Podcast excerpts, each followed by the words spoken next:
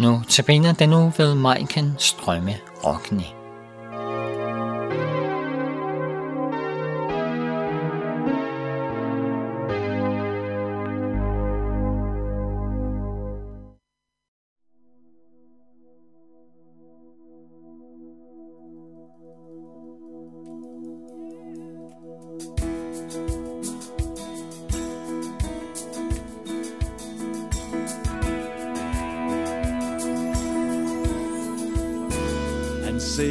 Ned. Til det sønderbrudte hjerte Han ser ned. Til den som ikke har fred Han ser ned. Til den fattige og svage Ingen grænse for hans kærlighed Han ser ned. Til den tvivlende og bange, han ser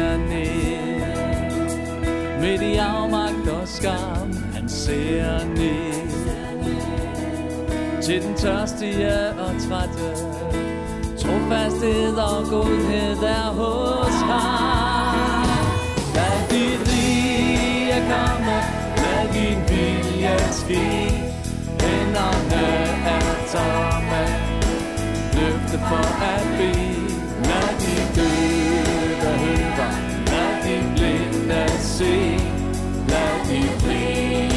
Komme, lad din vilje ske. Han giver håb til det sønderbrudte hjerte. Han giver håb til den, som ikke har fred. Han giver håb til den fattige og svage. Ingen grænse for hans kærlighed. Han giver håb til den tvivlende og bange. Han giver håb midt i afmagt og skam. Han giver håb til den tørstige og trætte. Trofasthed og godhed er hos ham. Lad dit rige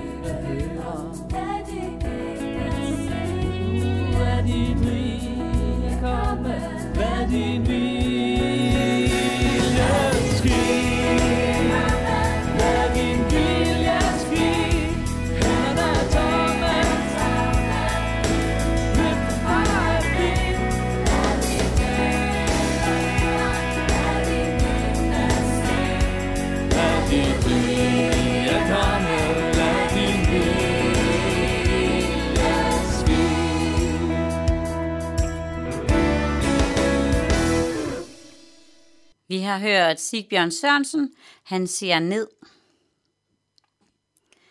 Hagar. Hagar, hun gav Gud tilnavnet El Roi, altså Gud, der ser. Det skal man vel være en særlig hellig en for sådan at kunne give Gud et tilnavn. Men Hagar var ikke nogen særlig. Hun var ikke profetinde. Hun var hedning fra Ægypten. Hun var slæbt med fra da Abraham og Sara flygtede til Ægypten under hungersnøden. Hun var blevet slavepige hos fru Abraham. Hendes vilje og liv lå frem, og af fremtid lå alt sammen i Sarais hænder, hendes frue. En dag en frue, som ikke var særlig god ved hende. Men som slavinde havde man ingen rettigheder. Ens mening talte ikke nogen steder. Hun var alene, revet væk fra sit folk, under andres kommando. Ingen indflydelse på sit eget liv. Hun må gøre, som der blev sagt. Og der var de så, på vandring gennem ørkner. Der var ikke mange steder at slippe væk. Og nu fik hun til job at tilfredsstille den gamle herre i huset på fruens vegne og bære hans barn. Et barn, der ikke engang vil blive regnet for hendes eget, men som hun blot skulle være rumor for. Det var ikke med hendes gode vilje, men der var intet valg. Hun måtte adlyde. Også uretfærdigheder. Og lige så snart hun havde adlydt og gjort, som der var blevet befalet, og hun var blevet gjort gravid, skiftede holdning til hende.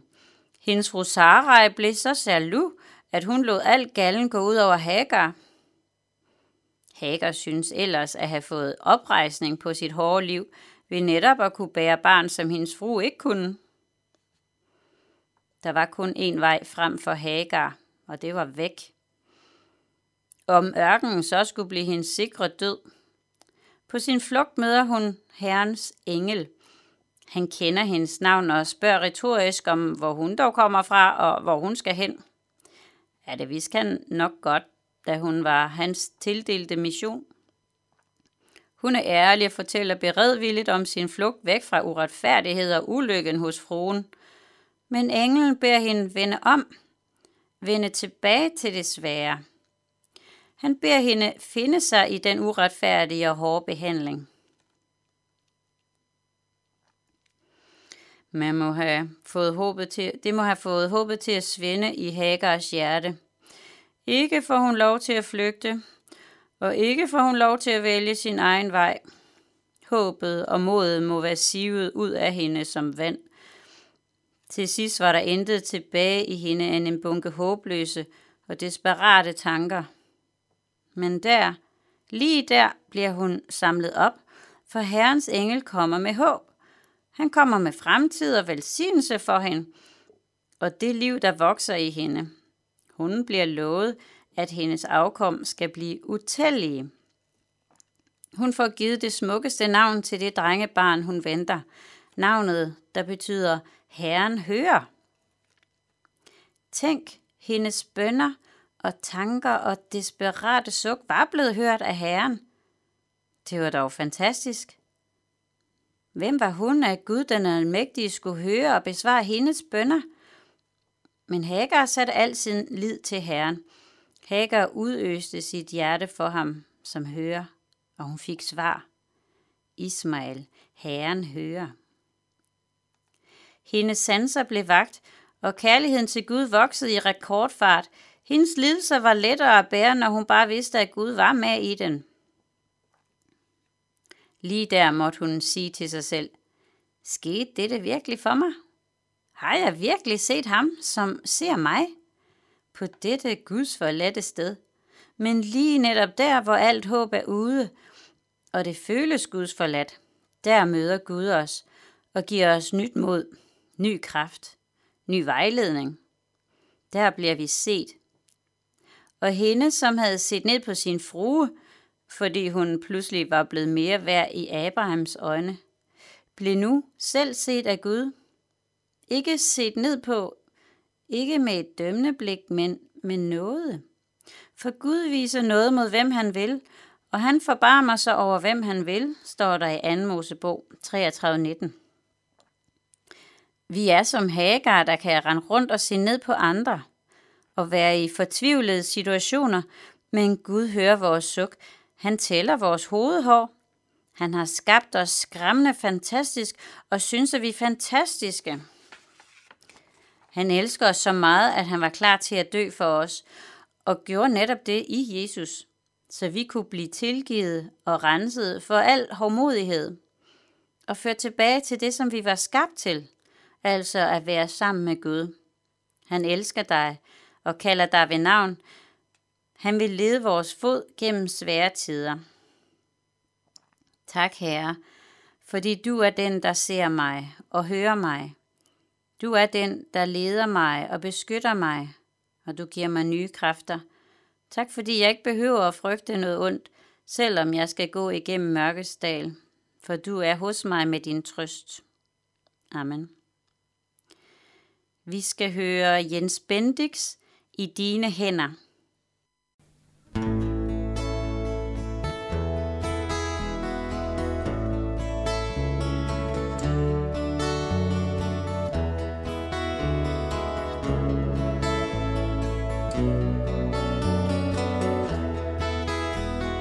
Dine hænder, der er jeg så stille, om end det stundom bæver i min fred.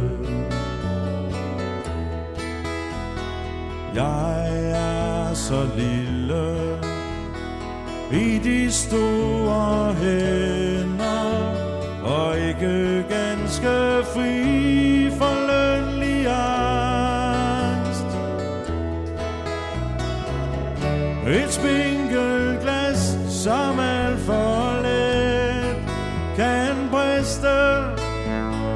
hvis almægtig krammer det for hårdt. Jeg ved, du vil mig Altid kun det bedste Oh, um men det bedste gør dog ofte ondt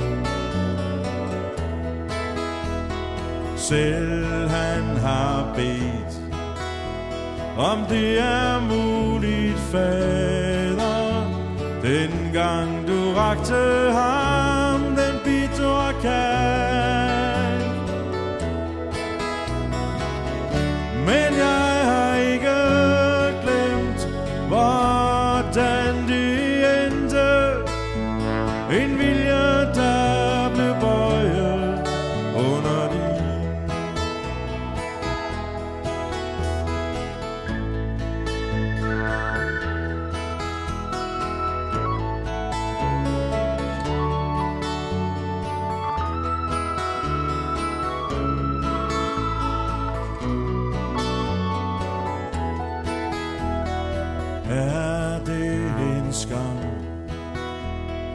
tilstå jeg er bange Og har for lidt af troens sande mod.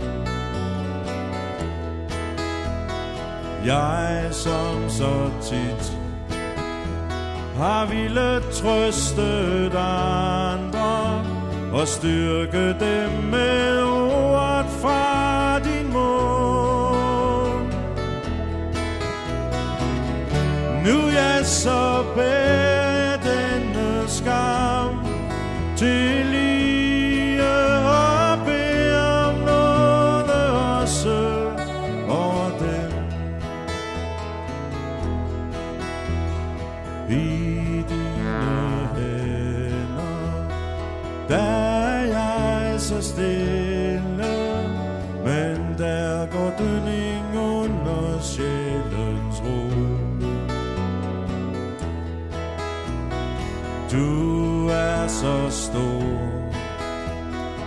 jeg er meget lille, og går kun frygtsomt over livets bro. Gør mig til